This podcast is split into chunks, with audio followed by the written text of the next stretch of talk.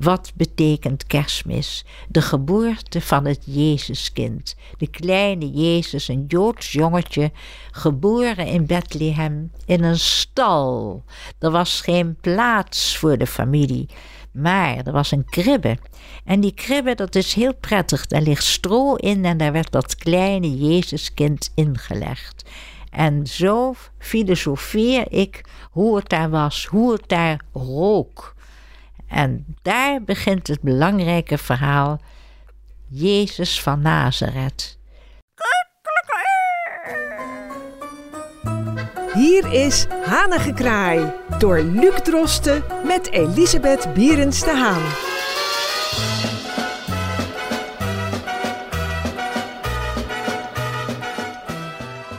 Ja, ik wens alle luisteraars een zalig kerstfeest. Het is tweede kerstdag. En uh, ik heb de eer om ook vandaag bij Elisabeth Bierens de Haan Keuls uh, gast te mogen zijn. Terwijl mevrouw Bierens de Haan, ik begrepen heb dat u eigenlijk de kerstdagen het liefst in afzondering en alleen viert. Klopt dat? Klopt. Maar voor jou natuurlijk totaal een uitzondering. Uh, je bent een rijke geest en het is voor mij zeer aangenaam om uh, je stem te horen en van je geest te genieten. Doorgaans breng ik de kerstdagen, en dat doe ik eigenlijk al een stuk van mijn leven, in gepaste stilte door. En dan pak ik een mooi boek, neem de Christmas Carols van Charles Dickens, of ik neem een prachtig uh, ander boek, en, of ik neem de Bijbel, kan natuurlijk ook. En dan ben ik in stilte aan het savoureren. Het lezen en het in me opnemen van dingen die ik mooi vind.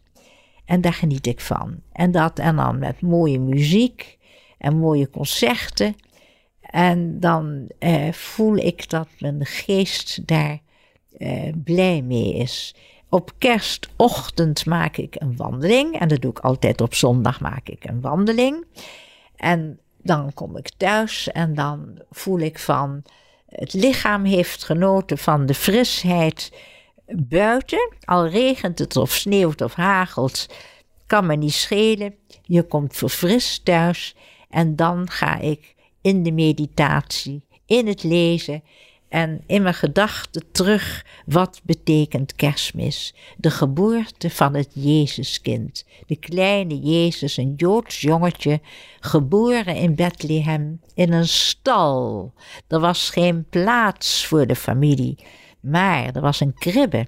En die kribbe, dat is heel prettig. Daar ligt stro in en daar werd dat kleine Jezuskind ingelegd. En zo filosofeer ik hoe het daar was, hoe het daar rook. En daar begint het belangrijke verhaal. Jezus van Nazareth. De geboorte van de Zoon van God. De belangrijkste gebeurtenis in het hele leven op aarde. Christenen. De geboorte van Jezus van Nazareth.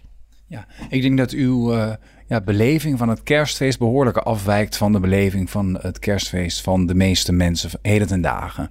Hè, uh, alleen al het feit bijvoorbeeld dat het geloof bij veel mensen een mindere rol of helemaal geen rol speelt. Uh, fenomenen zoals de kerstman, toch ook weer de cadeautjes, zoals we ook al een paar weken geleden hebben besproken met uh, Sinterklaas.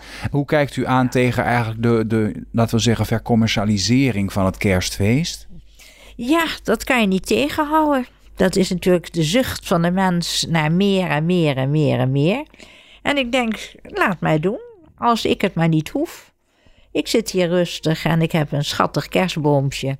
Op kerstavond, na mediteren, na lezen, na mooie muziek, zit ik in stilte voor mijn boompje. En dan geniet ik. En dat is voor mij genieten. En andere mensen gaan naar Ibiza en andere mensen uh, gaan dolle pret en, en gaan naar de Eftelingen, weet ik veel wat ze doen. Prachtig. Vrijheid, blijheid, dat, dat vind ik. Zingt u ook kerstliederen?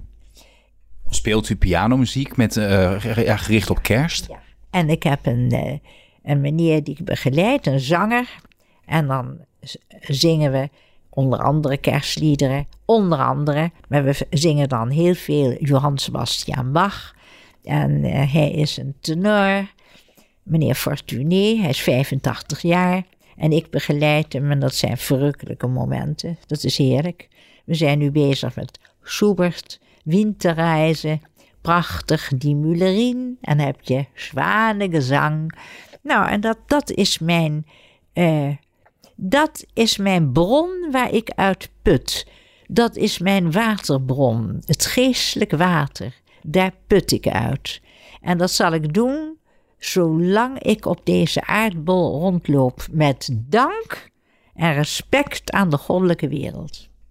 Nou, vrijheid, blijheid en uh, iedereen mag de feestdagen doorbrengen zoals hij wil en allerlei leuke dingen doen.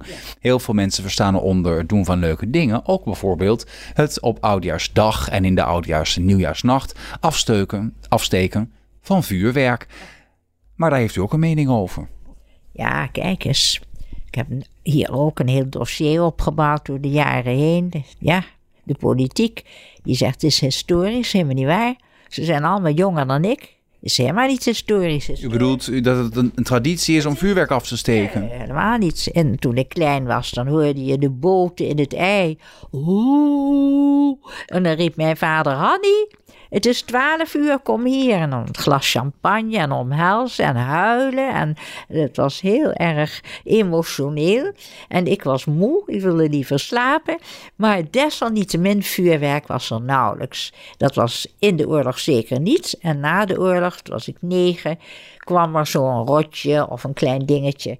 Maar het, de vuurwerkbranche die is zo uitgebreid en dat is uh, zo enorm geworden, dat kan je geen vuurwerk meer noemen. Dat zijn raketten, dat zijn bommen. Ik heb hier in de buurt Russen wonen, die gaan even naar Moskou, komen ze terug met raketten en die vliegen hier rond. En toen ben ik brieven gaan schrijven naar de politiek. En dat was in de tijd meneer Opstelten. En ik heb gevraagd, kijk eens even, zo, zo, zo, zo. Daar moet toch eigenlijk, zoals het in de hele wereld gebeurt, overheidsvuurwerk is prima, maar niet in particuliere handen. En waarom niet? Omdat iedereen dronken is. En als je dronken bent, dan doe je gekke dingen. En dat kan ik natuurlijk, dat maak ik mee. En dat is gevaarlijk. Er vliegen loodsen in brand. Een meneer in Utrecht verliest een hele prachtige bibliotheek, antiquariaat is in de fik, op, in de fik opgegaan. Die man is, is werkelijk, uh, die was helemaal kapot.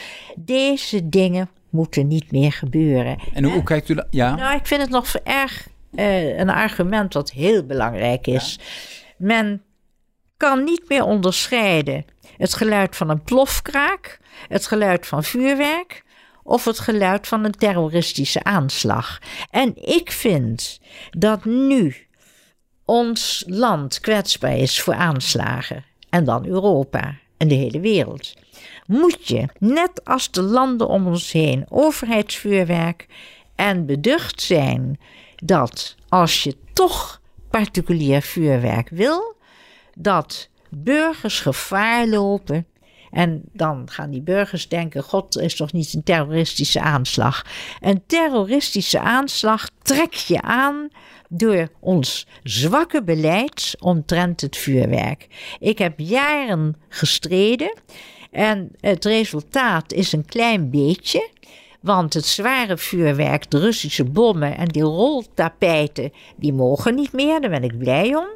Maar nu moeten we een stapje verder en niet zeggen: uh, in de Leonardo-straat mag je wel vuurwerk, Gerrit van de Veenstraat mag, mag niet vuurwerk of wel vuurwerk. Dat is natuurlijk je reinste kolder, want een vuurpijl kent geen grenzen. Wat je moet doen, volg de tradities van Australië, Amerika, Frankrijk, Duitsland, Engeland. Wij zijn het enige land waar het hier een rel is van lawaai. Het is slecht voor je oren, het is slecht voor je ogen. Ik kom niet op straat, want de, de lucht is één vervuiling. En als men het nu vandaag de dag heeft over stikstof, dan zeg ik: stik, hou op met vuurwerk voor particulieren. En meteen, maar ik begrijp het wel, het brengt accijns in de la. Het brengt een heleboel op. En geld is aanlokkelijk, ja, dat weet ik ook. Maar desalniettemin Stop er dan mee en organiseer overheidsvuurwerk. We hebben hier het Olympiaplein. Maak daar een leuke vuurwerkshow. Dat zijn allemaal nuchtere mensen die dat doen. Maar er wordt enorm gedronken. En men weet het, hè? Als de wijn is in de man, is de wijsheid in de kan. En dat speelt met vuurwerk een gevaarlijke rol. En wat zou u dan nog willen zeggen ten slotte, want we gaan uh, ook zo afronden, um, tegen al die mensen die inderdaad, ja, je ziet het ook wel eens op het journaal, mensen die zeggen eigenlijk, uh, probeert men ons alles af te pakken. Zwarte Piet wordt afgepakt, nu mogen we geen vuurwerk meer. Er is een soort verontwaardiging uh, onder bepaalde mensen. Zou u die mensen dan nog op een bepaalde manier een hart onder de riem kunnen streken of nog een, een, een alternatief kunnen bieden? Ja, ik zou zeggen, Ga naar de vuurwerkshows die de overheid gaat organiseren. Bij het ei heb je een enorme show. En het went heel gauw. Het went erg gauw. Dus ga even een reisje maken naar New York. Als ik in mijn stewardessentijd, bijvoorbeeld neem Egypte, kwam ik in Cairo. En daar waren we met oudejaarsnacht. Er stond een piano. Je omhelst elkaar, je drinkt een glas champagne en ik heb piano gespeeld, hebben mensen gezongen. Geen vuurwerk, niks. Heel rustig. Zalig. Ga naar Amerika. Rustig, je omhelst elkaar. Hello darling, very good new year. Geen vuurwerk, geen ellendige rotjes om je heen, geen oogletsels. Ja, ik vind dat de doktoren. En ik heb natuurlijk heel veel brieven gekregen van doktoren op al mijn acties die ik toen heb gedaan. En brieven die ik heb rondgestuurd. De doktoren zijn het totaal met me eens. Het aantal ongelukken, het aantal brandwonden, het oogletsel. Uh, het laatste waar ik mee afsluit is een journaliste van de Trouw die me interviewde over een boek wat ik had geschreven. Ze gaat naar het Centraal Station en ze krijgt een vuurpijl in haar oor. Ze is eraan gestorven. Loes Smit van de Trouw. En ik vind als zoiets gebeurt, dan zeg ik als ik dan op stelte was, of ik zat in de politiek, van de een op de andere dag, we stoppen ermee. En winkeliers, jammer van alles wat u daar hebt, al die pakketten. Maar die kopen dan wel op. Maar wij zorgen voor overheidsvuurwerk. Dus het medische uh, aspectje van is het zwaarste wat weegt. En al de verzekeringen die ik heb geschreven, Achmea, Oera, noem maar op. Ze zijn het allemaal mee eens. Stoppen met die handel. Nou, dat is een duidelijke boodschap. En daarmee sluiten wij ook het jaar samen af. Een uh, jaar dat de laatste paar maanden, uh, wat mij betreft, voor een hele prettige samenwerking heeft gezorgd. Maar we zijn er in 2020 gewoon weer. En ik uh, wens u, mevrouw Bierens Haan, alvast een prachtige, rustige oudjaarsavond. En een heel erg gelukkig nieuwjaar alvast. En een goede jaarwisseling. Ja, Luc, en dat wens ik jou ook. Heel veel goeds. En dat de goden je goed gezind zijn, en dat zal zeker. Dus hetzelfde geldt voor jou. En dan tot in het nieuwe jaar. Tot in het nieuwe jaar. Wilt u reageren? Mail naar hanigekraai.amsterdammefm.nl en uw bericht komt terecht bij mevrouw Berends de Haan.